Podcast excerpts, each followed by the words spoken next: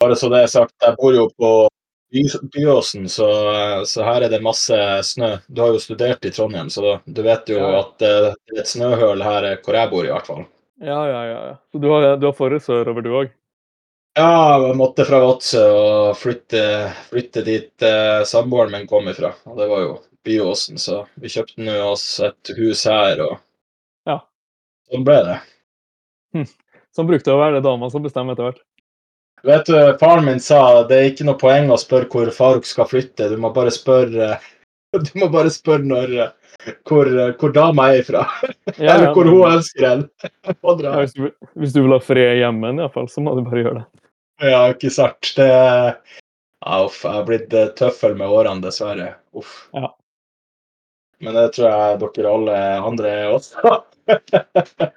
Ja, jeg, jeg lo jo av det før, men man blir jo bare Man blir det selv. Ja, det er sant. Det er sant. Mye, mye visdom i eh, Happy Wife, Happy Life. Ja, fy faen. Så bra. Så bra.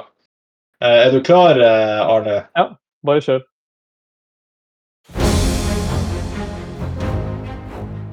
Denne podkasten og innholdet skal ikke anses som investeringsråd. Hensikten med podkasten er å bidra med informasjon om finansmarkedene og selskaper. Podkastvertene er selvlærte hobbyinvestorer og ikke finansielle rådgivere. Informasjonen som gis i podkasten utgjør kun våre personlige meninger. Hvis du legger vekt på noe du har hørt her, gjør du det på egen risiko. Verdipapirer som diskuteres i podkasten skal ikke forstås som en anbefaling til å kjøpe, holde eller selge nevnte verdipapir. Podkastvertene kan være direkte eller indirekte eksponert mot verdipapiret som diskuteres. Ja, Da starter vi episode 27 av eh, Stockup, eh, en podkast om finansmarkedet og aksjer med Faruk og Kenneth. Eh, I dag har vi en spesiell gjest, nemlig Arne Ulland, også kjent som Stockholz på Twitter og diverse andre aksjeforumer. Han er en bauta, eh, en inspirasjon for veldig mange små investorer. Eh, han skal få muligheten til å fortelle litt om seg sjøl, men bare smak på denne avkastninga han har hatt. Eh, på fem år så har han hatt en avkastning på 147% og year to date er han opp 31% Så det er liten tvil om at Arne vet hvilke aksjer man skal velge, og hvordan man skal knuse markedet over tid. Og Arne, eh, ordet er ditt. Fortell litt om deg sjøl, hvem du er. Eh, hvordan begynte du på din investeringsferd, og, og, og ikke minst hva, hva motivasjonen din er med investeringer? Ja, klart. Jeg må jo bare først si hei, alle sammen. Eh, jo, jeg er 31 år. Jeg sier jo egentlig at jeg kommer fra Brønnøysund, selv om jeg hadde mine første åtte år i Stockholm. Jeg bor i Oslo, gift. Eh, Utdanna siviløkonom fra NHO med spesialisering i finans. Har jobba som aksjeanalytiker i en sånn her investeringsbank i Oslo, og da faktisk midt i den her IPU-boomen i 2021. Eh, veldig mye med fornybare selskap, så det var en del børsplasseringer, en del kapitalinnhentinger. Eh, men jeg fant vel ganske tidlig ut at eh, jobben på sell-side, som det heter, ikke helt var min ting. Og det har jo litt med at mitt fokus som investor og mitt selve interesseområde, egentlig, det er jo langsiktighet, kvalitet, og at man skal optimalisere for det som er enkelt. Eh, og så har jeg egentlig veldig lite interesse for makro. Så nå jobber jeg som det som heter managementkonsulent. Eh, det betyr jo egentlig bare at, at man er en problemløser. Eh, og da er det typisk å hjelpe selskap å bli mer lønnsom, hjelpe dem med endringsledelse og operasjonell forbedring. Så det passer egentlig helt perfekt. Um, ja, når det gjelder investeringsferden, så trodde jeg jo faktisk at det begynte i en alder av 17-18. Men så snakka jeg med en kamerat denne uka. Han sa at jeg eh, i 9. klasse på ungdomsskolen satt og leste investeringsbøker, så jeg tror kanskje eh, Jeg tror man går i sånn 14. Man er 14 år cirka da. Eh, og jeg vil jo tro at interessen for investering den kom egentlig som en følge av at jeg var veldig interessert i sparing fra tidlig alder. Og det kom rett og slett av at vi ikke hadde så mye penger da jeg vokste opp. Og derfor var det å spare og ha kontroll på økonomien veldig viktig. Um, så fokuset på sparing og rentes rentes effekt, det, det starta jo dermed pga. det fokuset i tidlig alder. Jeg, egentlig når jeg var syv-åtte år. Jeg var veldig glad i å putte jeg er nesten fanatisk glad i å putte penger i en sånn her rød liten sparekiste som vi hadde. Og det var så gøy å se at, peng, at den ble større og større og fikk mer og mer mynter. Eh, så når det gjelder på en måte aksjereisen, da, så, så kjøpte vel min første aksje når jeg var 17-18. Helt sikkert basert på teknisk analyse eller et eller annet sånt. Eh, og det var jo da kun basert på prisbevegelser. Eh, denne innsatsen den viste seg å være forgjeves. Eh, det er jo ikke så overraskende når man kjøper på pris, og, for det har av og til ikke noe sammenheng med selskapets drift. Og det er jo sånn som Peter Lynch sier at uh, the stock price is the least useful information you can track, but it's the most widely tracked. Så det er jeg helt enig med han, og nå har jeg investert i ca. 14 år. Uh, og fokus, fokuset mitt er jo da på kvalitet, og, og jeg skifta jo egentlig 100 til kvalitet i 2017. Ja, det er kjempeinteressant å, å høre. Og Eh, vil du, hvordan vil du beskrive deg sjøl som investor? Hva var det som fikk deg til å eh, ikke jage price action, men eh, ha de selskapene du har i dag, f.eks.? Ja. Først kan jeg jo si at det var jo ikke en sånn reise hvor jeg bare plutselig fant ut det var Jeg tror jeg drev og holdt på og gjorde feil i seks år. Eh, at, og det tror jeg veldig mange har i starten. Du har jo alle de her Eh, Terry Smith og alle, til og med Buffett, var, drev og tulla jo litt i starten med teknisk analyse. Så bare for å påpeke det til folk at det er normalt å feile i starten. Men, men jeg vil jo si at eh, det som beskriver meg som investor, hvilken type investor jeg er, eh, så er det jo en kvalitetsorientert investor. Du kan jo kalle det en GARP-investor, altså en fyr som fokuserer på growth at a reasonable price. Men, men eh, totalt så er det jo at jeg bryr meg om totalavkastning altså verdien av både utbytte eh, og EPS-vekst. Eh, så Det er det som betyr noe. Og Jeg kan jo trekke fram tre personlighetstrekk som jeg har som investor. Eh, det ene det er jo det Munger kaller deferred gratification gene. Han sier jo at det er et par folk som har, eller det er jo en minoritet, da, som har det som heter deferred gratification gene. og det er jo at man på en måte er klar å vente på, på en gevinst. Eh, og det er jo da at han sier it's waiting that helps as an investor, and a lot of people just can't wait. And if you didn't get this gene, you have to work really hard to overcome that. Uh, og det tror jeg jo er veldig sant, at det er veldig mange som sliter og de, med tålmodighet. Uh, og da får de liksom ikke så mye effekt av at selskap klarer å reinvestere kapitalen høyt. Det, det hjelper ikke, fordi du må vente til pengene får òg denne rentes-rentes-effekten. Um, og det tar tid. Og så er det andre, det er jo det Francis Rochon i, i Giverny Capital kaller the tribe gene.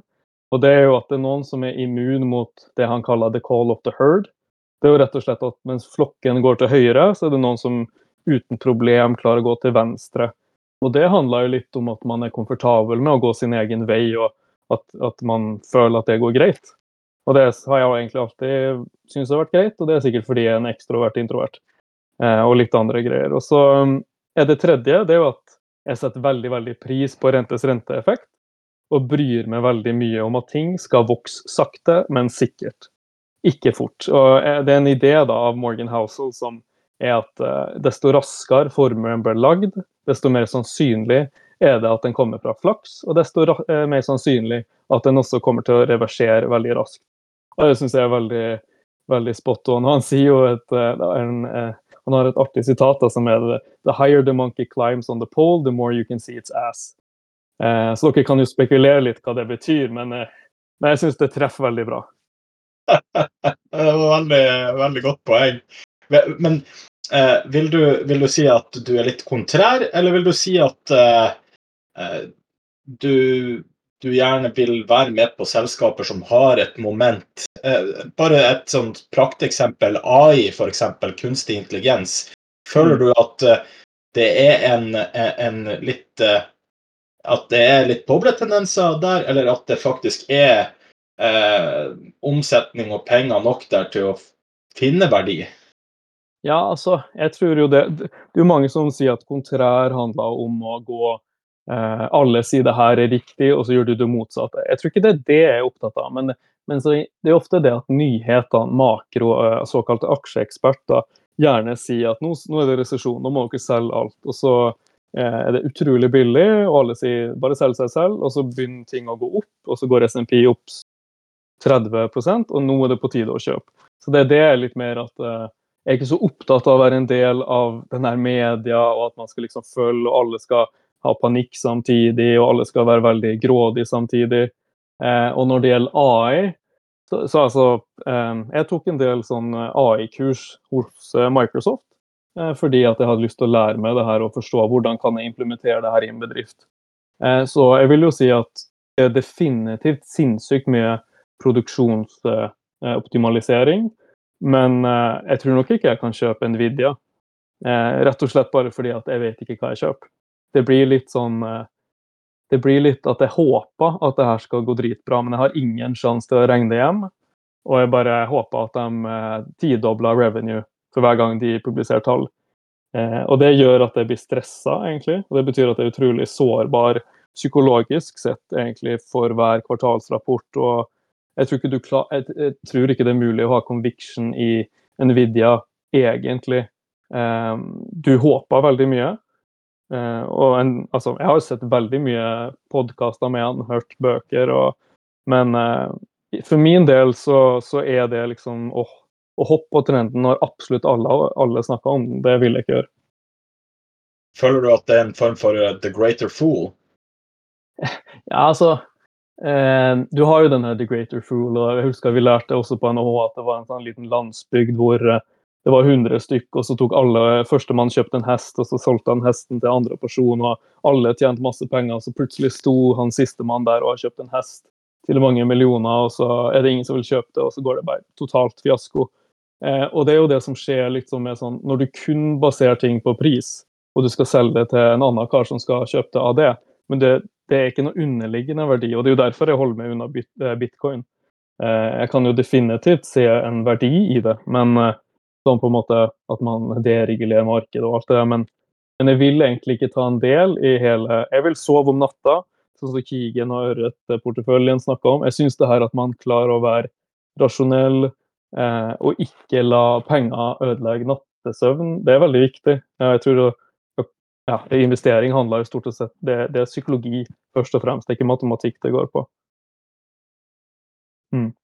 Er veldig igjen i, i, det du sier der. At, og det ser vi også på, på statistikker også, at uh, investorer uh, blir stadig mer kortsiktige. Eller altså, hold, altså gjennomsnittsholdtiden blir bare uh, kortere og kortere. De selger oftere. Um, og det er, det, er, som du er inne på med rentes rente. Det blir veldig vanskelig da å skulle se ting vokse. Hvis du hele tiden må, må inn og ut av ting.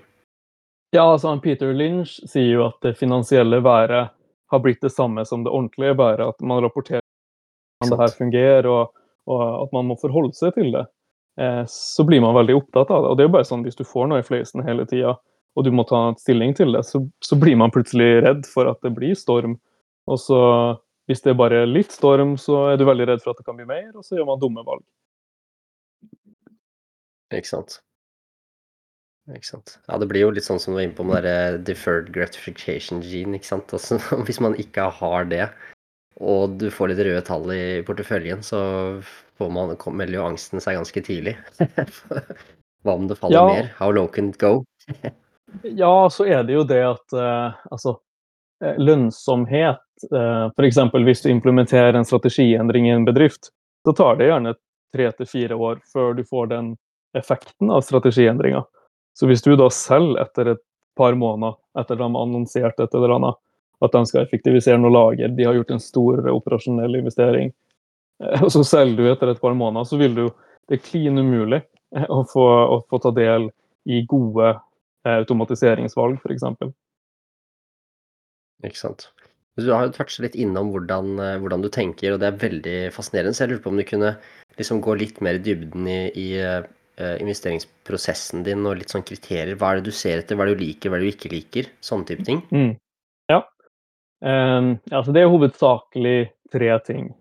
Uh, det ene er jo det her med marginer. Uh, stabile marginer, og at du har litt litt uh, rom på marginene. Jeg vil jo ha bruttomargin f.eks. på rundt en 50-60, operasjonell margin på rundt en 20-30. Eh, og alt det her har jo med at eh, du, Terry Smith snakka om sånn at du har en støtpute. Altså at du har litt rom, da. For det er jo sånn når, når prisene går opp, og du, eh, og du må begynne å ta litt høyere kostnader, og du, hvis du har 2% i en sånn operasjonell margin, da er det ikke mye å gå på før ting snur litt. Så, så stabile marginer er veldig viktig. Eh, så er det at det er en forutsigbar, eh, høy, fri kontantstrøm. Det er jo fantastisk viktig eh, at du rett og slett genererer penger. Og så skal det være en høy og stabil avkastning på investert kapital. Altså return on investment capital er utrolig viktig. Og så at det er attraktive vekstmuligheter. Og at det er lite gjeld. Når det gjelder lite gjeld, så syns jeg at nettogjeld til EBITDA skal være maks fire helst under to. Eh, for, og det har bare med at uh, gjeld er en av de tingene som ofte gjør at gode selskap uh, ender opp med å ikke bli gode. De blir for optimistiske, tar på seg for mye gjeld, skal vokse for raskt. Uh, og det er jo litt det jeg sa i stad, at hvis du får veldig høy, høy formue for, veldig tidlig, så har det en tendens til å reversere også. og hvis du ser på f.eks. et selskap som ikke har så attraktive vekstmuligheter, så er det jo de her tobakksselskapene de har fantastisk høy fri, fri kontantstrøm, veldig gode marginer, veldig stabil eh, lønnsomhet. Men eh, de har ikke så høye vekstmuligheter, og derfor får du ikke den her eh, fantastiske totalavkastninga år etter år etter år. Du får stort sett bare utbytteavkastninga, mens eh, aksjekursen ender opp med å stå litt eh, dødt, og det skjer ikke så mye. Så du får 7-8 i året i stedet for eh, seks eh, eller tre-fire i utbyttegild, og så ti i EPS-vekst. Så um, ja, så det er jo på en måte de, de, de, liksom Jeg har jo Vi kan jo gå litt videre kanskje etterpå, eller skal vi gå allerede inn på resterende eh, detaljer? Ba, bare ta de resterende detaljene, Arne. Vi, ja. vi, vi har uh, Vi skal bygge videre rundt, rundt, på det, men det er fint å ja. høre om du går inn på dem, ja. Ja, det er klart. Så, så for, uh, sterke konkurransefortrinn, eller moat som det heter, veldig veldig viktig. Uh, og så er det det de kaller anti-fragility, altså at det er relativt stabil drift i hele markedssyklusen. Uh, og her snakker jeg om at når du får resesjon, når du får boom, og når du er på vei opp, og når du er på vei ned. Og der er jo liksom Johnson Johnson er jo kan, som jeg vet dere er glad i, det er jo sånn typisk selskap som gjør det godt. Eller McDonald's. McDonald's kan man jo kanskje påstå gjør det bedre nedover enn oppover. Så det er jo sånn fantastisk selskap hvor du, hvor du kan være trygg eh, hele tida. For det er sånn sykliske selskap hvor, du, hvor, det går veldig bra når det går bra, og så går det veldig dårlig når det går dårlig. Det, det tror jeg det tærer på de psykologiske evnene til å, til å motstå dårlige nyheter. Så det prøver jeg å meg unna. Eh, så er det jo ledelse med langsiktig syn, altså at de snakka om fri kontantstrøm, de snakka om år, og de snakka ikke om måneder eller kvartal. Eh, og at de har fri kontantstrøm i fokus, veldig viktig. Eh, at det er en lang historikk med en god drift, og at resultatene har vært gode over tid. Det gir en, en god sikkerhet, og at man kan vite at modellen, altså businessmodellen, er, er sound, at den fungerer. Eh, og at det er enkelt å forstå hva selskapet gjør. Eh, også at det er lønnsom drift, som sagt. At de har høy avkastning på investert kapital. Eh, at vekst i form av økende inntjening per aksje, EPS, og fri kontantstrøm per aksje. Det er på en måte sånn at hvis et selskap vokser, og de har veldig høy avkastning på kapitalen, så blir det sånn at de pengene de tjener, kan de putte i arbeid, og så får du rentes renteseffekt på de pengene igjen. Det er jo derfor Terje Smith og alle de her snakker om eh, avkastning på investert kapital og vekst. fordi får du de to, og du har en stabil, god drift som bare går oppover hvert år, så er det helt fantastisk. Eh, og så er det jo det lav belåningsgrad og god kapitalallokering. Altså, eh, de skal være flinke når det gjelder utbytte. Eh, de, jeg vil ikke at de tar opp gjeld for å betale utbytte. Eh, også når det gjelder tilbakekjøp, så er det jo veldig fint om de kjøper når det er billig, og ikke når det er dyrt. Eh, akkurat det på tilbakekjøp er ganske streng. Eh, der hvis vi ser at de kjøper på topp, så betyr det ofte at det her er noen insentivgreier som gjør at ledelsen får veldig mye penger. Eh, og det er da, da, ja, da, da, gir du penger til rike folk, og det gidder jeg ikke å gjøre. Så det, det er litt Ja, og så har du selvfølgelig eh, Det siste er jo det som kalles serieforvaltere eller serieoppkjøpere. Dem er jeg veldig, veldig glad i. Eh, og har, Der har du jo Lifco, du har Constellation, du har Indutrade og for så vidt Berkshire også. Og det er jo at de, de her er jo veldig, veldig rasjonelle når de kjøper ting.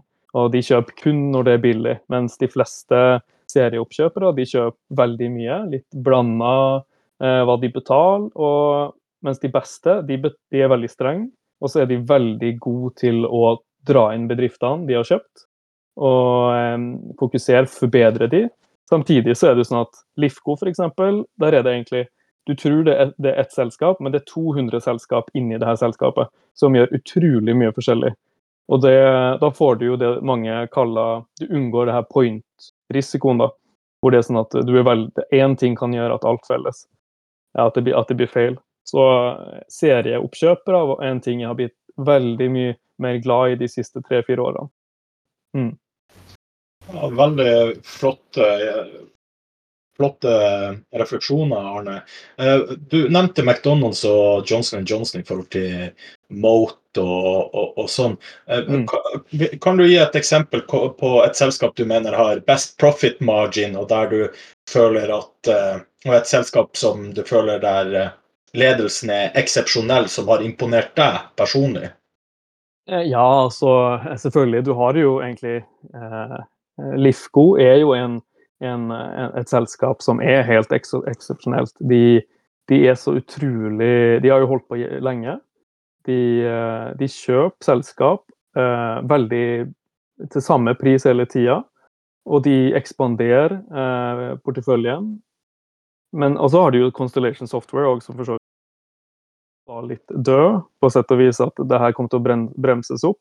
Fordi de har blitt så store. Og det er jo sånn at eh, altså, hele hovedproblemet med en serieoppkjøper er at det går fint når, når, du er liten, men når du skal begynne å kjøpe utrolig store selskap og gjøre det over tid, eh, da begynner man å tvile på businessmodellen, fordi man tror jo at det er ikke så mange. Men eh, hvis man hører på, på, det de sier, så sier de at de har utrolig mange kandidater fortsatt. Eh, og det, det, virker ikke som Det går ikke tomt. Eh, noe, i alle fall. Så det der er jo selskap som eh, jeg har, jeg har, aldri sett selskap som klarer å ha så høy avkastning på investert kapital, plassere det så godt, og, og de får så sinnssykt høy fri kontantstrøm år etter år. Og den bare blir større og større. Eh, og det betyr at ballen egentlig bare ruller og ruller fortere. Og så har du Visa, selvfølgelig. Jeg vil jo si at Visa er, er alt det en eh, investor egentlig vil ha. Du har god vekst, fantastiske marginer. Eh, både på bruttonivå operasjonelt nivå. Du har lav gjeld. Eh, de vokser mye, og den der eh, effekten av at de vokser 10-12 i året, samtidig som de har en avkastning over 20% da blir det skapt sinnssykt mye verdi. og så er de flinke på tilbakekjøp, så, og så har de den megatrenden bak seg òg. Det, det, er en sånn type selskap hvor de er i lomma di hver dag, og det, man må bare se litt rundt, og så må man Det, det hjelper veldig uh, hvis man har prøvd litt ulike produkt. Jeg har jo f.eks. Uh, utrolig lite tro på PayPal. Uh, og det er jo fordi at jeg har shippa veldig mye, eller en del penger til Japan mens uh, dama var der. Og da det er ingen grunn til at jeg skulle bruke PayPal over f.eks. TransferWise. Lavere fee, går mye fortere. Eh, nå skal det jo si at PayPal har en del B2B, men eh, som kunde, så, så, var det helt uaktuelt fordi det var mye dyrere. Eh, så jeg vil jo egentlig kjøpe selskap hvor jeg som konsument er fanga. At jeg har ikke noe valg. Og de bare tar en liten del av det uten at jeg tenker på det. Det, det, det er bra greier. Ja, jeg er helt enig med deg. Jeg kjøpte Visa i min uh, nyeste posisjon i min egen portefølje. Og eh, der er det jo litt som eh, du er inne på i forhold til Terry Smith og og det her med price action altså Det har alltid irritert meg at Visa er så forbanna dyr hele tida. Men alle de her eksepsjonelle selskapene er jo eh, dyr, holdt på å si.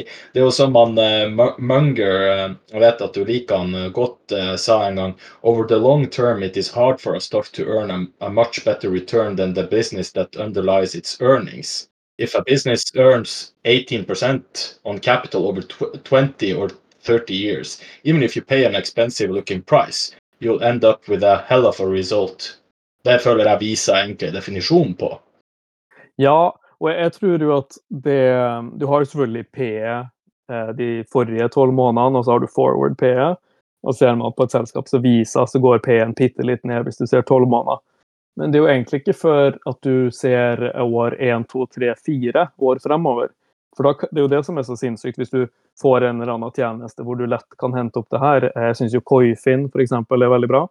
Eh, men, men, det er jo det som er greia, at når du har veldig høy avkastning på investert kapitalen, så blir den der én eh, i, i, nevner da, for PE, den blir veldig mye høyere over tid. Eh, og da, det som skjer da, er jo at du kan gå fra å ha 30 i PE det ene året til 28 i året to. Så kan du ha 23 i år 3, og så plutselig er du på 18 i år 4. Eh, så det betyr at eh, du syns at, egentlig hvis du ser bitte litt frem, da, eh, at eh, en PE på 18 for Visa ikke er eh, billig. Og du, jeg syns du er gæren hvis du sier at du ikke er villig til å betale 18 for Visa. Så er, man må skifte mindsetet litt fra det her tolvmånedersperspektivet og det er jo egentlig bare noe analytikere trenger å forholde seg til. Det er jo fordi de skal publisere rapporter, og de har stort sett ikke lov til å se lenger enn tolv måneder. Men som privatinvestor så er det jo bare å kjøre på og prøve å utvide horisonten. Ja, utrolig godt poeng. Eh, eh, Arne, hvordan vil du beskrive din totalportefølje? Gjerne fortell lytterne hvilke posisjoner du sitter på, og hvorfor du akkurat sitter på dem. Og har du en favoritt der? Ja, altså ehm, jeg sitter jo på litt sånn her investeringsselskap. Jeg sitter jo på Investor AB f.eks. Det er jo et, eh, et, selskap, investeringsselskap av Wallenberg-familien, det er svensk. Eh, som eh, jeg tror de har vært over 100 år. Utrolig flink. Det er jo litt sånn Av og til må man zoome litt ut, og så må man tenke, så kan man se hvem er det som jobber i de selskapene her. Og det, De som jobber i selskapene her, det er absolutt de flinkeste i hele Sverige i finans. Eh, og Her kan du kjøpe et, en av de selskapene til en veldig stor rabatt, ofte til de underliggende verdiene. Eh, og eh, du trenger egentlig ikke å, å, gjøre så mye mer enn å bare fokusere på å eie de over tid. Og så være obs på når substansrabatten, altså de underliggende da, altså Hvis summen av verdien av de unoterte og de noterte aksjene, finner verdien av de, sjekka det opp mot prisen på investor, så ser du at OK, du kan få kjøpt den på rabatt. Um, og, og Er man litt fokusert på det, så kan man få ganske god avkastning over tid. Um, og så eier jeg jo uh, ja, Min største posisjon er jo AOJ, altså brødrene AOJ og Hansen. Det er jo en veldig utradisjonell aksje for meg egentlig å eie. Uh, det er en small cap, en dansk smallcap small cap som er en grossist som selger varmepumpe. Eh, men det som er greia her, er at de er helt latterlig billige. Eh, de er PE67. Eh, og i tillegg så har de en CEO som er rundt 84 år. De knuser konkurrentene sine år etter år etter år. De har jo holdt på kjempelenge, de òg. Og de knuste på alle de her operasjonelle greiene jeg bryr meg om. på, på en måte De har bedre, de klarer å flytte varene sine mye raskere. De har investert i et kjempestort lager, mens alle andre ikke har det. Det betyr jo at de får mulighet til å drive på med automatisjon, altså eh, får, får gjort driften blir mye bedre, mer effektiv. Og så er de flinke på tilbakekjøp og EPS-en boks. Og akkurat nå så er de inne i en dårlig periode pga. makro. Eh, og analytikerne virker som de bare ser ett år fram i tid, eh, maks. Men eh, det her er et selskap hvor jeg føler meg veldig trygg på ledelsen. Eh, og de har et godt produkt. Så med mindre det blir en sånn skikkelig boligkrise, egentlig, og mer enn det det er nå, og det skal jo ganske mye til når nykjøpet er totalt det, Eiendom Norge sa at det selges ingenting. Så vi, vi, er litt sånn i en veldig krisetilstand. Og da er det jo da du skal kjøpe eh, kvalitetsselskap. Og jeg tror grunnen til at det her ikke er eh, høyere, det er rett og slett bare fordi at eh, det, er, bare en, et eh, selskap, SEB eller SEB, som har coverage. Eh, og det er for lite for de fleste fondsinvestorene. Eh, og så, ja, så, er det jo Lifco, Bouvet har, har, jeg ikke nevnt, men Bouvet er jo et fantastisk IT-konsulentselskap. Eh, de holder jo på med rådgivning, og de er jo veldig fokusert på Microsoft 365-plattformen, hvordan de kan ta i bruk Power Platform. Og der tok jeg et kurs eh, i Power Platform for å forstå litt mer hva er det de skal gi til bedriftene. Og her er det nesten Det er så mange som vil ha de tjenestene at her kan jeg ikke se at det ikke blir mye aktivitet fremover. Eh, ja, så er det jo Atlas Copco, det er selvfølgelig en del av Investor AB. Det er jo en svensk gigant som bare ruller og går. Eh, hvis du ser på det fundamentale, så er det liksom bare greit nok. Det her er bare å kjøpe når det begynner å bli sånn ish billig. Eh, og da ish billig kan bety at du betaler 20-25 PE. Eh, for de har òg sånn fantastisk avkastning på investert kapital. Det er ganske likt som Visa. Så jeg tror, jeg, eh, jeg tror jo på en måte at um, porteføljen uh, Jeg tror den kommer til å stå ganske sterkt. Uh, og det, det, beste med sånne serieoppkjøpere, det er jo at egentlig et, et, et marked hvor ting er billig, er det beste for de. Uh, det er jo sånn at når, når det krakker, og private selskap som stort sett alltid handles billigere enn en på børs, eh, der kan det bli eh, mer attraktivt pga. renta går opp, de klarer å betale lånene sine. Men også de, de lista selskapene de blir mye billigere. Så det, det er derfor man kan være så glad i når du eier en skikkelig god serieoppkjøper, sånn som Lifco eller Constellation, så er det jo sånn at børskrakk det er den beste tida for dem. Og de gjør det ganske greit når det går opp òg. Mm. Ikke sant. Veldig fascinerende. Altså, jeg har eh, sett over porteføljen din, og, jeg, eh, og det var en av de første tingene som slo meg. At du eh, er veldig fokusert på konglomerater og seriekjøpere, sånn som du, du, har vært inne på mye. Og jeg også syns de forretningsmodellene er veldig interessante. For de har jo Altså, man kan se for seg den forhandlingsposisjonen. Ikke sant. Du, har, du er en, en gigant, og så kommer det en bitte liten selskap. De, de, altså, du, de, de, kan jo sette sin egen pris, eh, nesten. Eh, så du kjøper de billig, og så kan du eh, skalere opp og, og, putte inn eh, litt kompetanse her og der, og gi dem eh, både tilgang til bedre tjenester og operasjonell fokus. Og så også øke kundegrunnlaget deres. Så blir det jo en fantastisk investering. Det ja, det, det, er jo akkurat det. Ja, det, det, er helt fantastiske selskap. Og det er jo fordi at altså, hvis, Det er jo mange selskap som prøver. altså M&A generelt er jo sånn at det er selgeren som tjener på det, mens kjøperen taper ganske mye. For du ender opp med å betale stort sett det det selskapet er verdt. Eh, men så har du sånne som Lifco, da, som har, en, de har både en modell for hva de skal kjøpe, de har en pris. De betaler f.eks. ikke altså Jeg trenger ikke å si akkurat uh, hva det er, men, men de, har, de, har, et krav, og selskap som ikke møter kravet, det ser de bort ifra. Og så er det jo sånn at de her selskapene, stort sett så er det Berkshire er for så vidt også en serieoppkjøper. De har jo kjøpt mange private selskap. og Det som er felles for alle de her, det er jo to ting. Det ene er jo at de er en safe haven.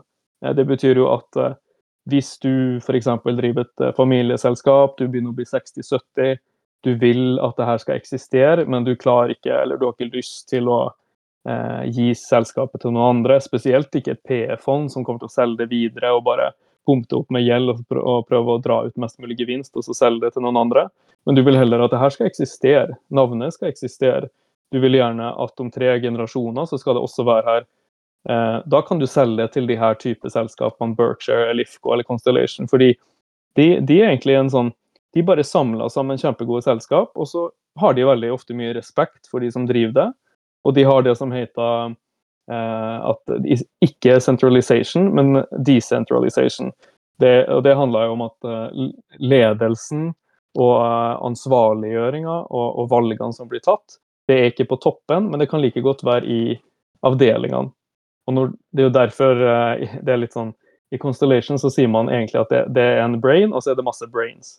Det, det, det betyr egentlig at eh, du har noen på toppen som selvfølgelig gjør avgjørelser. Men du har også folk under der, i mange underavdelinger. Og de har lov til å gjøre oppkjøp uten at de på toppen gjør det. Og det betyr at du klarer å eskalere. Eh, at du klarer å skalere. Eh, og det er en fantastisk ting hvis du får et selskap hvor ikke bare toppen skal gjøre alt, men du får det såpass uavhengig av toppen at du klarer å vokse i mange retninger. Eh, og det, for sentralisering Jeg er jo superinteressert i det her med selskapsform og hvor ledelsen sitter og, og liksom hvor avgjørelsene blir tatt. For det er jo sånn at Hvis du har sentralisering, så kanskje vi tre eh, kjøper opp selskap, vi blir veldig flinke til det. Men etter hvert så blir det for mange selskap, og da må du begynne å fordele ansvaret. Og hvis du da begynner å fordele det til folk som egentlig først og fremst ikke er flinke nok, eller har trening, eller at de føler ansvar, kanskje de ikke eneste du gir de er ganske høy lønn, men de har null eh, insentiver med opsjoner eller eierskap, så kanskje er de ikke så opptatt egentlig av å gjøre gode oppkjøp. Og Det er da det som er problemet med sentralisering. at På toppen supermye insentiv, veldig lyst til at det skal gå bra. På bunnen så er det ikke så nøye.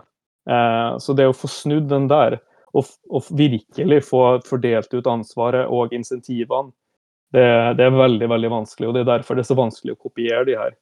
Eh, det er veldig mange som prøver, fordi eh, altså, de har jo sin playbook, eh, Lifco, så du kan gå inn og lese. Men kultur, kultur er det er, mye, det er ikke, lett å kopiere, altså. Veldig sant. Det minner meg veldig om altså det, For det første, det, det er som å sitte og høre på en Berkshire Hathaway sånn question and answers-møte og høre deg prate, Arne. Det er veldig kult. Det, det minner meg veldig om, eh, om eh, altså man, man, ser sant, de, de, ordentlig gode kronografene som nevnte Atlas Copco, altså vi har vært innom Broadcom i, i poden og sånn, at de, de, de, er flinke, de som sitter på toppen, de er veldig flinke til kapitalallokering. Eh, og flinke til å sette opp gode teams eh, rundt omkring. Eh, og det er helt sjukt viktig for at du skal få som du sier, få avkastning på kapitalen din og få, investeringene til å gå utvise seg i riktig retning. Eh, for det er det som ofte tar ned disse store gigantene med at de gjør for store oppkjøp. Og ikke liksom klarer å få det der til å gå. Ja, du, det, altså Ja, kjør på. Ja, de, de, men det var noe annet for så vidt, så, så bare kjør på.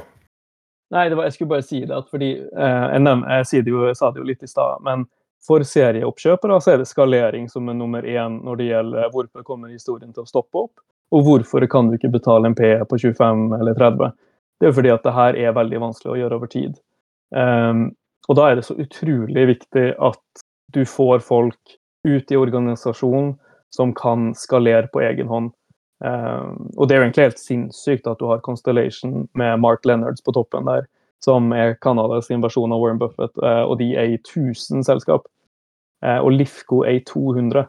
Det er jo helt det, det, altså det skal jo nesten ikke fungere, men, men, det fungerer fordi at du tar inn selskap, og de får eksistere som de er, men du gir dem råd, og de får kapital, og de har selvfølgelig kompetansenettverk som er mye bedre, som gjør at de kan bli enda bedre.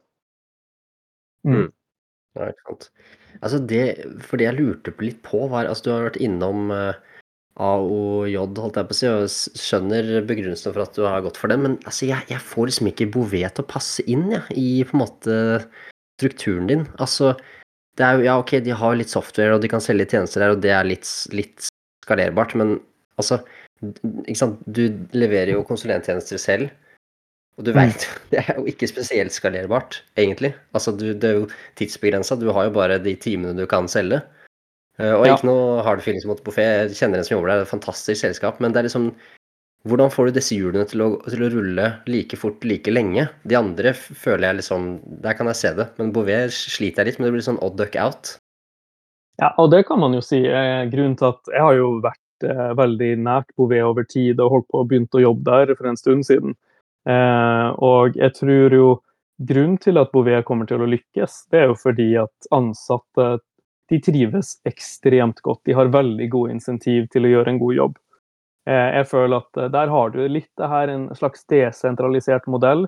Selvfølgelig er det mye sentralisering med at eh, det er jo en sjef på toppen, men, men de ansatte har så sinnssykt insentiv til å gjøre det godt på prosjekt. Eh, og så har du selvfølgelig den offentlige delen. Eh, jeg tror vi er ikke i nærheten av å ta Du har mye verktøy som mange av de her Bouvet kommer til å satse sterkt på, med, med, Power Automate og alle de her verktøyene som gjør at du kan effektivisere dokumenthåndteringsprosesser osv. Men jeg tror jo at det er under eh, altså appreciated hvor mye som skal gjøres i det offentlige med tanke på eh, digitalisering. Og eh, siden Bouvet er partner med stort sett alle de største, Equinor, de har et omdømme som nesten ingen annen enn Knowit har. Og, og et, markedet er stort nok til å digitalisere til at det, ja, ja, til at det er flere som skal gjøre denne jobben. Så eh, jeg tror jo at, at det her kommer til å gå bra, men jeg er helt enig i at og det, Hvis du ser på de finansielle tallene, så er det fantastisk. Men Men eh, man skal jo samtidig se på risikoen, og risikoen er jo som du sier at det, du trenger veldig mange hoder. Og det er jo kanskje det største problemet med, med Bouvet, at eh, jo da, veksten går opp, men de må jo ansette som bare pokker, og de må betale ganske mye fordi de ansetter. Så det man skal gjøre i et sånn her type tilfelle, det er jo at de, du, må, du må sjekke lønnsomheten nesten kvartal til kvartal, og så se hva skjer med lønnsomheten, hva skjer med veksten. Um, og prøve å se er det sånn at du betaler for vekst, og hva er trenden. For med en gang ting begynner å stoppe opp eller falle, så må man ut av en sånn her type aksje. Men akkurat nå så syns jeg det ser ut som pilene fortsatt peker oppover. Eh, men det er jo definitivt kanskje den jeg må følge med mest på. Men uh, Arne, du, du, eier du fortsatt uh, Evolution? Ja. ja. Der har du jo definisjon på fantastiske marginer, f.eks. Uh, det var en liten digresjon, men jeg har noe også å legge til ved Bouvet. Vi har kjørt en analyse, analyse av det selskapet på, på podcasten. Og nå er du mye flinkere enn meg på fundamental analyse. Og, men det jeg ikke liker, er sånn Eh, eh, stealth-utvanning. Eh, Skjønner du hva jeg mener? Altså, De driver jo og vanner ut aksjonærene så å si hvert år. Har du noen ja. tanker rundt det? Jeg liker det ikke i det hele tatt. Jeg syns det der det, Så Bouvet er jo ikke den jeg, jeg, vet ikke hvor mye vekting jeg har, men det er jo Du snakka 3-5% liksom, mens jeg har 20 og 25 og oppimot 30 på noen andre. Så det, den er jo litt på benken, kan du si. Fordi at uh, sånn der type ting syns jeg ikke noe om. Men samtidig så går det veldig greit driftsmessig. Så jeg er fortsatt villig til å holde de. Men utvanning, det, det, det, er jo det er ikke noe bra. Spesielt hvis, hvis uh, man forventer at aksjekursen kommer til å gå opp mye over tid. Så jeg syns du har et godt poeng, altså. og det syns jeg man må klare å se. At noen, de fleste investeringene er jo ikke perfekte. Eh, og det er jo derfor det er ja, Bouvet trada på en 18 i PE, liksom, og ikke 25, som som Accenture. Det er fordi at det er litt sånne type ting. Men jeg syns jo fortsatt de er attraktive nok, eh, på, basert på det fundamentale, da, til å ha det i porteføljen. Men ikke med en stor vekting. Ja, da, da, da, er vi enige. Da er ikke jeg helt sånn eh, borte på, på akkurat det. Eh, eh, tida løper litt ifra oss, men jeg tenker For lytterne har jo en del spørsmål, og, og vi kjørte jo en liten poll på, på hva de ønsker å, å, å, få vite. Og de ønsker jo gjerne å vite hvordan du, Arne, setter sammen en portefølje. Har du maks antall aksjer du kan eie, eller spiller det ingen rolle? Hva er det som skal til for at du f.eks. selger et selskap? Og eh, ja, rett og slett eh, snakk, snakk, litt rundt eh, psykologien bak, bak, hva som tvinger deg til å selge, da. Når du har gjort ja. din due diligence for å kjøpe dem i utgangspunktet. Ja, la oss starte med det her selv.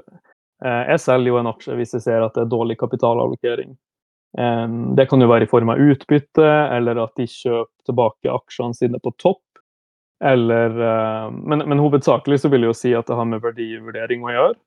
Eh, og da er det ofte sånn at eh, jeg ser at aksjen er prisa sånn at til og med hvis du tar høyde for at du ser tre til fire år fram i tid, så er det fortsatt dyrt. Jeg er aldri noe sånn veldig redd for å betale en premium på kort sikt.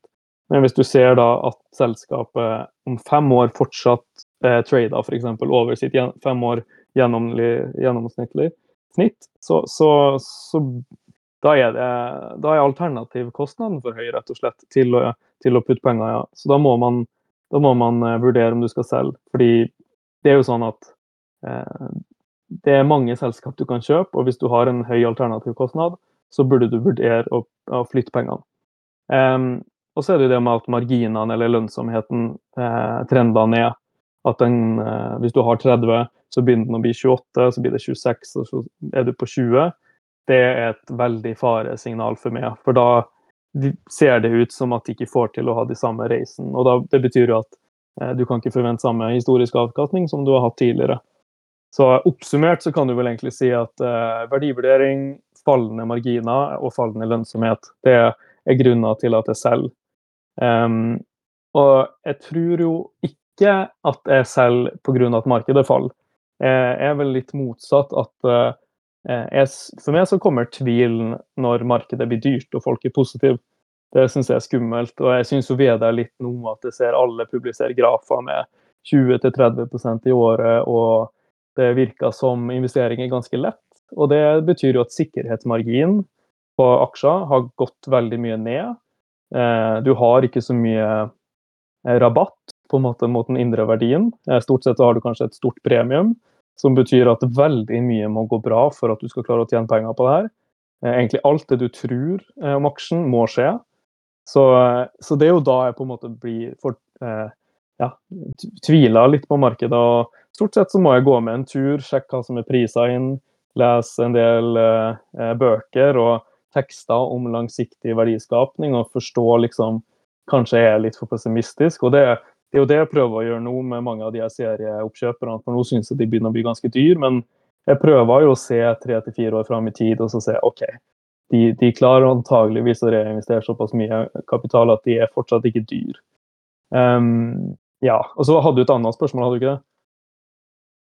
Uh, ja, altså Hvordan uh, ville du uh, anbefalt folk, småinvestorer, når de skal velge aksjer Altså, har du noe mål? Skal det være åtte stykk, ti, tolv? Har du noe i forhold til diversifisering, egentlig?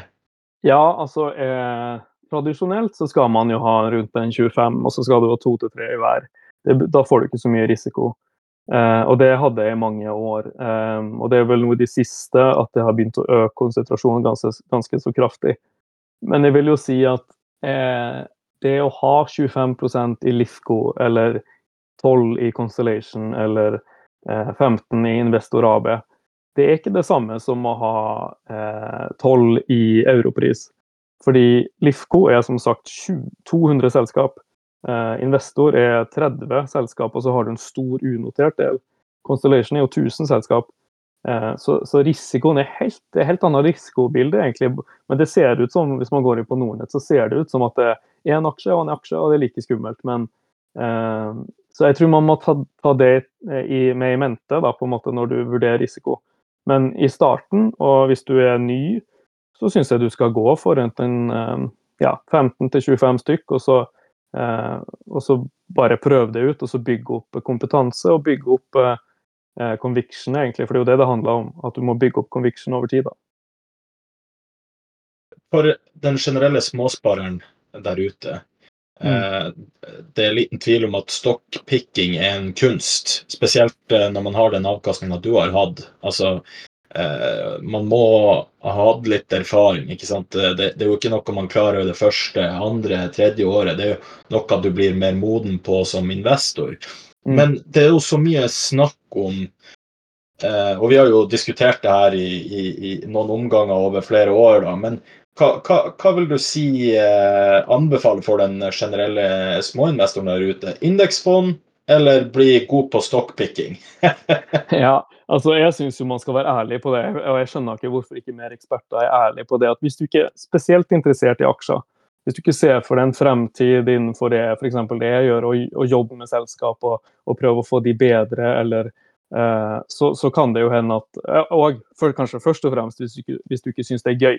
Det er jo kanskje det viktigste. Hvis du ikke syns det er gøy, og du har bare lyst til å dra nytte av verdiskapninga i verden og i aksjemarkedet, så, så er jo selvfølgelig et indeksfond, et billig globalt indeksfond som er kostnadseffektivt, eh, som gir eksponering mot hele verden, det man skal gå for. Og da, da er det DNB global indeks, KLP, aksjeverden og, eh, og sånne. Men og, eh, ja, så er det jo sånn selvfølgelig at de fleste indeksfond slår jo private investorer.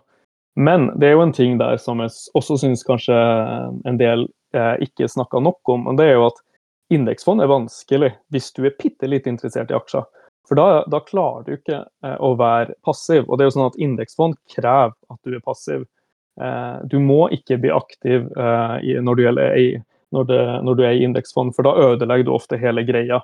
Eh, det her, og det er jo her de gjør tabbene. De blir lei, det går sakte. Eh, og det er jo det som er vanskelig med indeksfond, det er jo at du har jo ingen idé om den underliggende verdien. Så hvis man er i Berkshire f.eks., så vet du jo Du kan jo se den indre verdien stige over tid. Eh, og da vet du jo at over tid så kommer den til å konvergere, og du kan egentlig gjort eh, de siste årene. Det har vært veldig mye opp og ned, men stort sett så er det jo ikke så mye bevegelse i aksjemarkedet hvis du ser 100 år tilbake. Eh, og da blir man lei, og da selger man kanskje på et utrolig dårlig tidspunkt. Så da Det er jo derfor at aksjer kanskje kan være litt lettere. Det er jo en spennende hobby.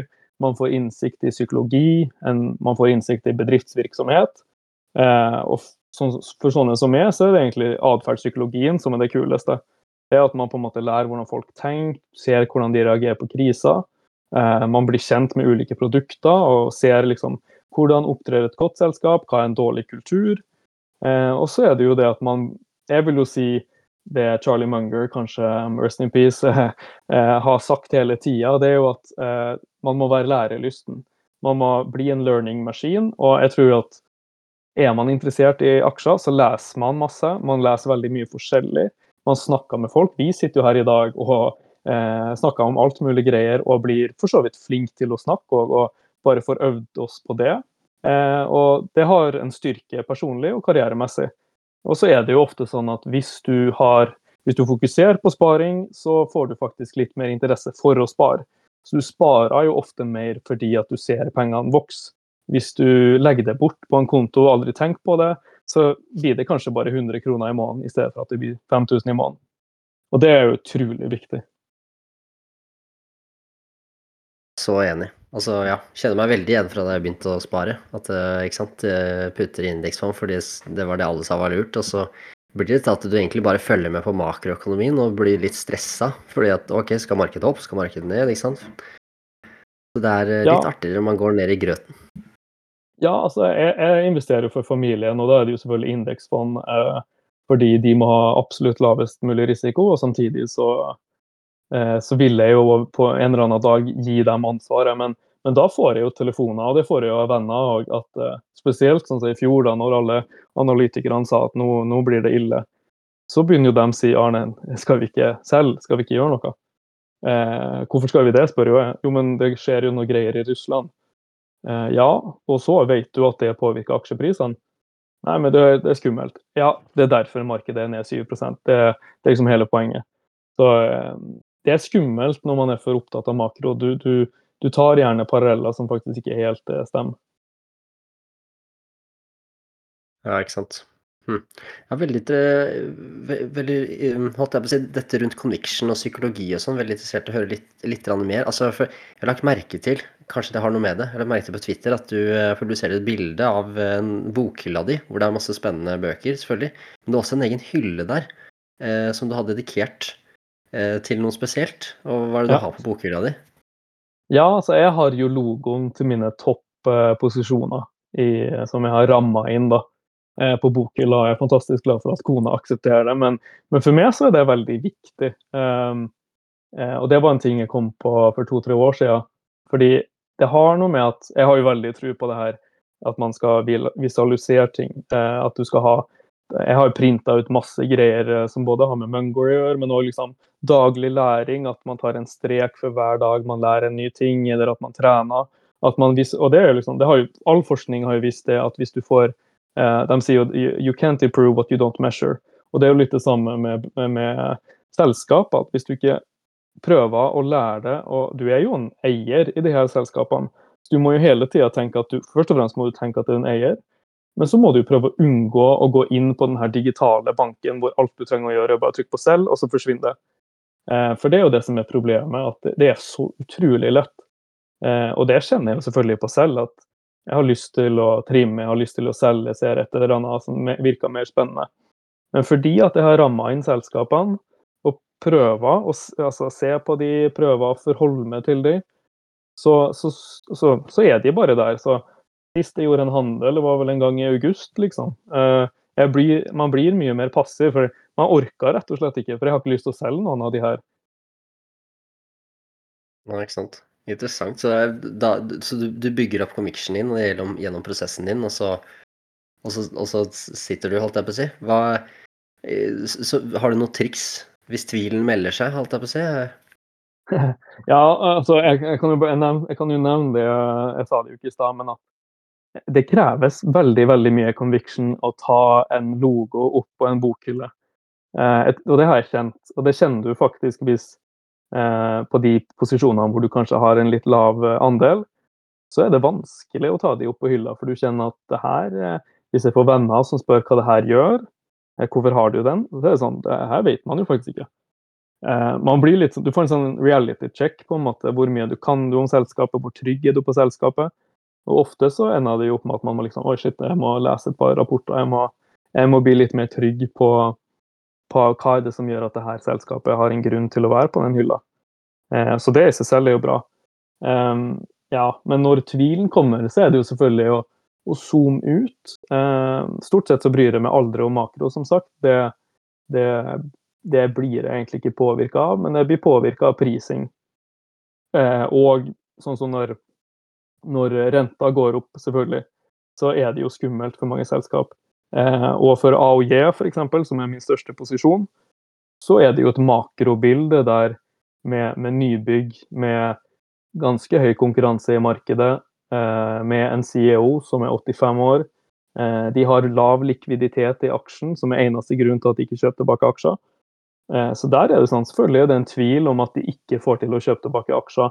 At de ikke får til, at det ikke blir den veksten de neste kvartalene fordi at vi faktisk får eh, enda bedre makronivå enn det vi har. Ehm, men, da, men, da, men det motsetninga av eh, kanskje av det en del gjør. Jeg går ikke inn på nyhetene på Finansavisen og leser for å forstå om det går dårlig med, med selskapet. Da prøver jeg å se det i rapportene. Eh, og prøver å se hva er på en måte prisa inn. Og så venter jeg et kvartal da, til å høre hva de sier.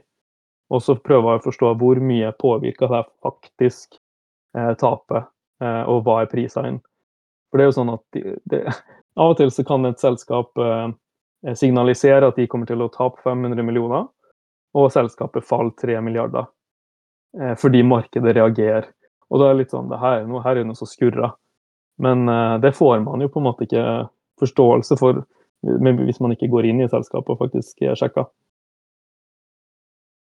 Ja, fantastisk, Arne. Uh, vi, uh, jeg ser at tida løper ifra oss, og vi har jo lovt lytterne våre at du skal svare på noen, noen spørsmål. Og det her er fra Bobil. Jeg lurer på hvordan Arne forholder seg til å investere i dollar, euro og danske kroner nå i disse dager med svak krone? Ja, det her er jo et eh, Jeg har jo sagt det litt tidligere, og jeg, og jeg synes, jeg, jeg, må jo bare si jeg er ikke noen makroekspert. Eh, og jeg skal ikke late som at jeg er noen makroekspert her heller. Um, men jeg syns jo at uh, amerikansk dollar på 11-12 ser, hvis man sjekker de siste 30 årene, uh, så ser man at det er veldig høye svingninger uh, opp og ned. Og det ser ut som at det er et normalt nivå rundt 8-9. Og vi er jo, hvis man tenker statistikk, da, som er Og det kan jeg jo bare si, hvis det er én ting man skal studere, så er det statistikk. Trenger ikke å bruke noe mer enn en halvtime, en time.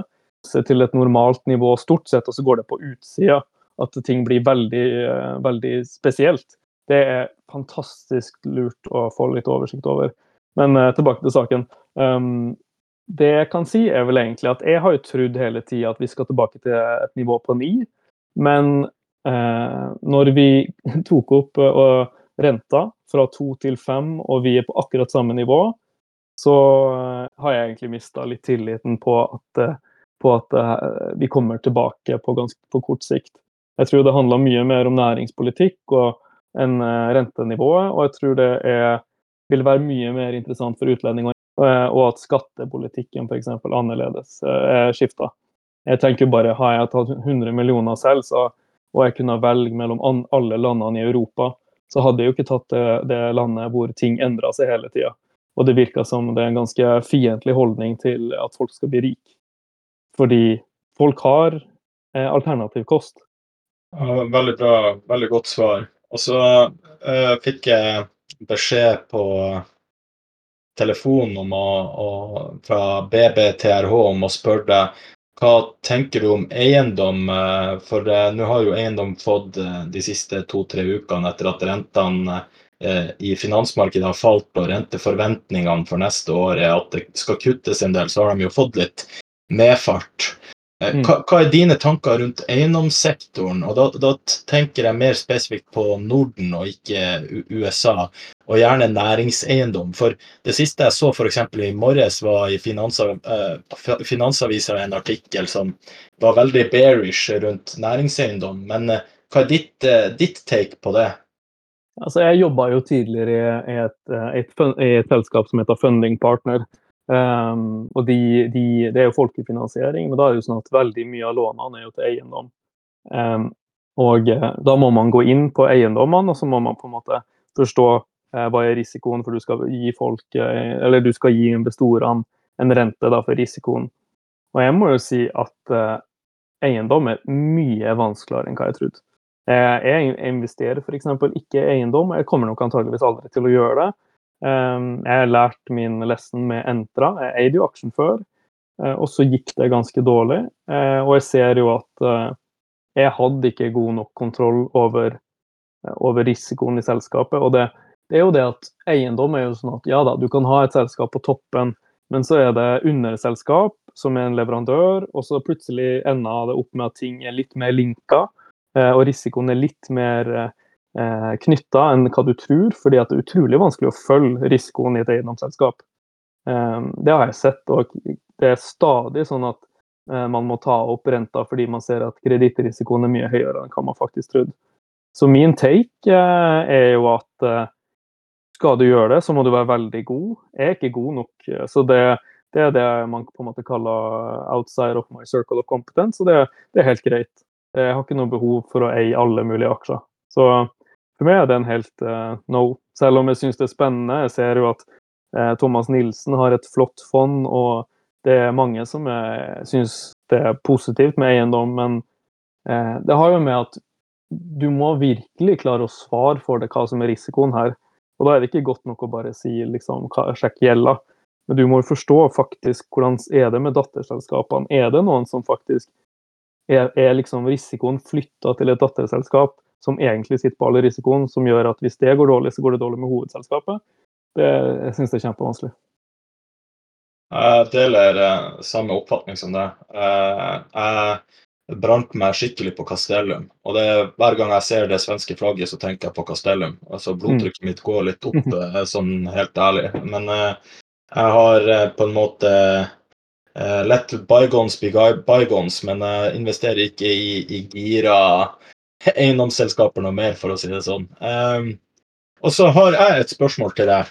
For det er kjempepopulært uh, på discorden og blant uh, flere lyttere. Hva tenker du om uh, The Magnificent Seven? Er det en ny Mhm. Nifty 50, som det fint ble kalt på 80-tallet? Ja, altså jeg publiserte faktisk en tweet i sjutida i stad, så det er litt morsomt at du spør. Og da var det jo det Peter Lynch sa at i 1998 så gikk uh, SMP opp 25% og da var det jo sånn at det var 40 Det var vel eh, 40 eh, Jeg skal bare sjekke hva det sto, eh, så jeg har det, så jeg sier helt riktig. Men eh, da var det sånn at eh, 450 selskap sto helt stille, og så var det vel 40 som sto for hele avkastninga. Eh, og det er jo litt interessant at det her var i eh, 50 var det, eh, som sto for avkastninga. Og det er jo litt interessant at det var i 1998, da. Eh, men eh, altså, når jeg ser på de her selskapene, og hvis du sjekker Google f.eks., så er ikke Google i det hele tatt dyr. Eh, Google tvert imot ser billig ut hvis du sjekker et par år fram. i- Og da er det da er det utrolig viktig at du ikke ser eh, på trailing PE, eller at du eh, Men at du sjekker liksom free cash og yield, du har noen estimater på et par år fram i tid, eh, og, og prøve å, å tenke Hvis de klarer å investere til den avkastninga de gjør nå, hvis du klarer å vokse relativt mye, sånn som de gjør nå også, så vil det bli skapt helt sinnssykt mye. Eh, jeg tror nok ikke jeg ville ha kjøpt Microsoft sånn som det er nå. Så på en måte spørsmålet er jo at det er en ganske god blanding eh, på de selskapene der. Eh, men eh, det er noen jeg ville ha kjøpt, og, eller eh, i alle fall eid, mens det er andre jeg kanskje ville ha valgt å solgt. Eh, men jeg tror man må, må sjekke lønnsomheten, sjekke marginene på de her selskapene. Eh, så da ser man at eh, det er veldig fort gjort at media sier at de her er dyr fordi at de har gått opp 70% Det var jo faktisk en, en CNBC-episode hvor jeg ble, veldig sint, rett og slett fordi det var en eller annen dame som En eller annen mann som sa at Meta har gått opp 70% så nå er den dyr. Men da gikk den jo opp fra 90 til 150. Men den var dyr da fordi den har gått opp 70% så nå var det absolutt en strong sell. Og jeg tenker at Er det mulig å stå på TV og si at bare fordi at en aksje har gått opp, så er det dyrt? Du må sjekke det underliggende. Altså, Meta har jo ikke dyr på 150 i det hele tatt. Men eh, det er veldig mange såkalte eksperter som sjekker prisavkastning eh, og prosent, tenker prosent, og så syns de at alt over 10 er mye. Så jeg blir helt sjokka over at det er så mange folk som har så mye å si i media som faktisk ikke burde si noe. Men uh, nok om det. Men, men kjempebra, med kjempebra, med engasjementet, Arne. For det, det jeg har tenkt litt på, som Mike Wilson sa i en podkast jeg følger, var at For jeg, jeg følger litt den teorien sjøl, at du så at 2022 var et elendig år for uh, Mag7 og Nasdaq. De var jo ned 20-30-40 Meta 50 nesten. Eller mer, faktisk. Uh, jeg solgte på bunn, by the way. Men uh, og, og, du annonserte, om jeg ikke husker feil, dagen før Q-rapporten så gikk du ut av Meta på det første krakket deres. Ja. ja. ja gratulerer til deg der. Dodge the bullet, for å si det sånn. Men, ja, det var jo bare det var jo bare flaks. Men det var jo det jeg sa litt i stad. Uh, for da gjorde de tilbakekjøp på 350. Og jeg fatta ikke hvorfor de gjorde det. Uh, det. Jeg klarte ikke å forstå det, hvorfor de uh, kjøpte tilbake. Men det var jo fordi de har stock-based compensation, så det seg å være at det er fordi at ledelsen skulle få litt penger. Nemlig. nemlig. Men tror du pga. at de på en måte ble truffet først av renteøkningene og usikkerhet, for de ansatte jo folk som fulle sjømenn pga. Mm. covid og sånn, at uh, de drev med uh, cost cutting uh, i år og i fjor. Og at det derfor ser veldig bra ut på papiret nå, men at neste år så vil de ikke få samme conviction og dermed dra markedet med seg ned. Kjøper du det narrativet?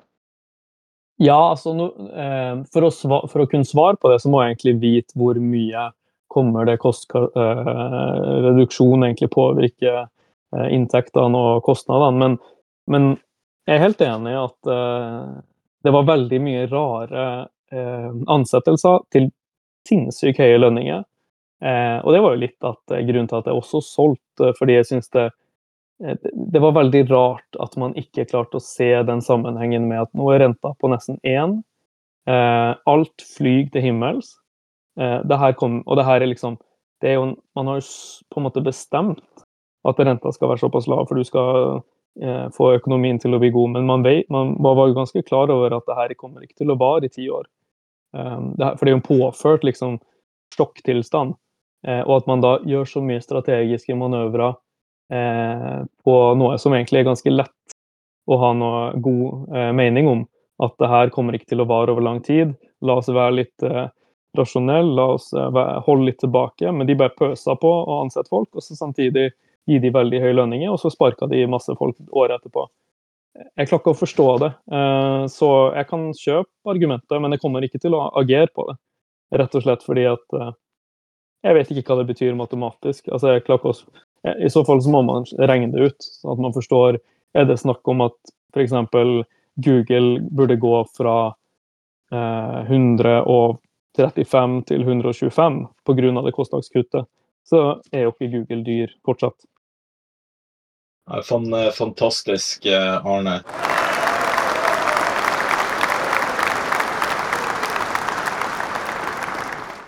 Du, du, har vært en fryd å lytte til i, i, en time. Jeg skulle ønske at uh, vi kunne fortsette sånn i to-tre timer. Men uh, vi, vi, får ha det til, uh, til, gode. Jeg vil anbefale alle som lytter, å følge han på Twitter. Du har 11 000 følgere og er jo ganske kjent blant mange småinvestorer og store investorer også. Eh, og ikke minst så er du en veldig flott type og har alltid kommet med gode tips og råd til meg. Og, og det setter jeg stor, eh, stor, pris på. og Det tror jeg Eh, jeg sier på vegne av alle lytterne også. Bare helt avslutningsvis, du skal få det siste ordet her, Arne. Har du ett Hvis du kunne bare gitt ett råd til, la oss si, 18 år gamle Arne Ulland, hva hadde det vært i forhold til investering, nå tenker jeg på? Eh, ja, takk Maja for først. Du sa mye fint der. Eh, men det jeg vil si, det er jo at eh, først og fremst fokusere på å lære hver eneste dag. Det har sinns... Altså, du, du får rente-til-rente-effekt på læring òg. Det er bare å fortsette å lære noe hele tida. Prøve å bli en bedre person enn den du var i går. Og så les mye. Les mye biografier. Eh, og så start med enkle investeringsbøker. Når jeg var 17-18, så starta jeg med The Intelligent Investor. Jeg forsto ingenting. Det var mye snakk om fundamentale greier og regnskap. Det syntes jeg var kjedelig. Eh, så da begynte jeg med teknisk analyse. Så vær så snill, ikke gjør det. Start med Peter Lynch. Han forklarer ting på en veldig god og enkel måte. Og da forstår du liksom hva som driver eh, aksjer opp over tid. Eh, og så hvis du er såpass heldig, så, så Prøv å skaffe en mentor som ikke er så langt over ditt nivå, som du kan lære av. Og sånn som eh, På serveren så er det jo en kar som heter Tricky, eh, som jeg snakka veldig mye med i starten av min på en måte, karriere. Eh, en veldig eh, snill kar som virkelig lærte meg opp eh, på mye. Så finn mentorer. Det har en fantastisk effekt. Og så vær ydmyk. unngå dum, dumskap, i den forstand at man kjøper ting kun fordi at noen har sagt at det her er bra, eller at man har lest det et sted.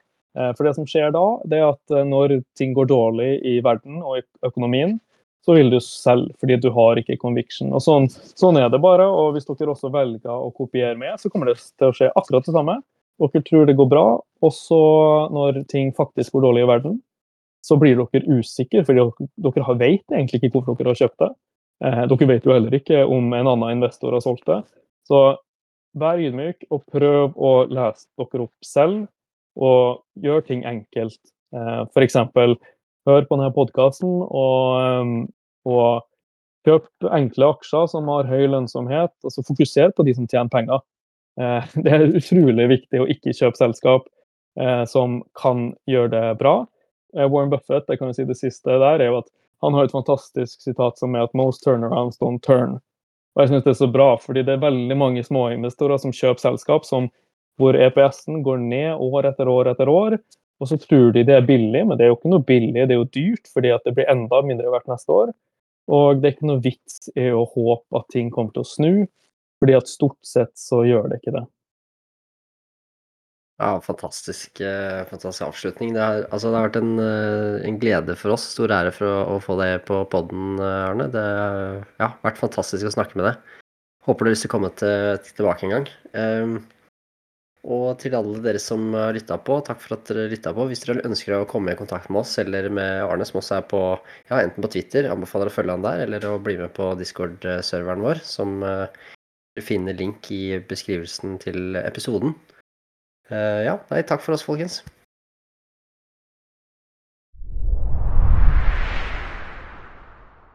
Syns du det gikk bra, Arne? Ja, det syns jeg. Det, det, er jo alltid altså Jeg var jo selvfølgelig nervøs, og det har jeg vært alltid før podkaster, men jeg syns det uh, Ja, ja. Jeg syns det gikk fint. Så bra. Jeg håper ikke vi skuffa som uh, to uh, sletne amatører. nei, nei, nei. Altså, jeg, jeg, har jo sagt det hele tida, og jeg kommer alltid til å si det, at jeg har jobba med profesjonelle, og jeg syns ikke det er noen stor forskjell på profesjonelle og amatører. Eh, det profesjonelle kan gjøre, det er at de kan regne på ting og drive og snakke om ting som jeg egentlig ikke bryr meg om. Mens amatører ofte, hvis de har de riktige verktøyene altså Stort sett så leser jo ikke profesjonelle Peter Lynch. Eh, de, de, leser, de vet ikke hvem Terry Smith er, eller så vidt vet hvem, hvem Munger er. altså de starta på feil ende. så Hvis man bare liksom kan fokusere på det som betyr noe, eh, lønnsomhet, altså avkastning på investert kapital, er jo bare helt sinnssykt viktig. Og jeg har fortsatt til gode å høre en eneste person på Selvside som snakka om det.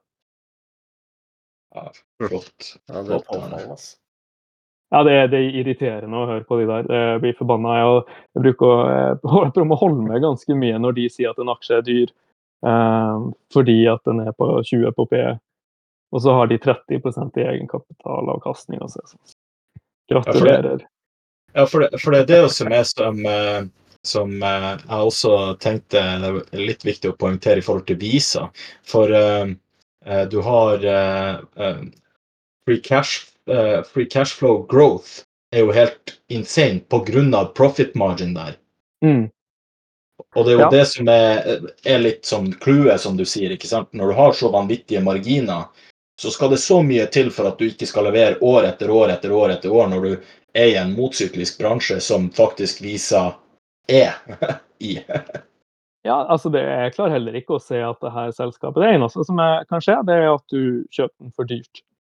Eh, men heldigvis er det såpass mange som ikke bryr seg om sånne type ting som fri kontantstrøm eller avkastning på investert kapital. De, de er opptatt av hvor mye en aksje går opp og ned, eller PE. Så jeg tror jeg er ikke noe bekymra. Nei, kjempebra. Nei, eh, Arne, du får ha en eh, riktig fin kveld, og så kos deg oppe på, på Brønnøysund, og, og, og, og riktig god jul når den tid kommer. Ja, i likeså, gutta. Takk for det. Yes, ha det. Ha det.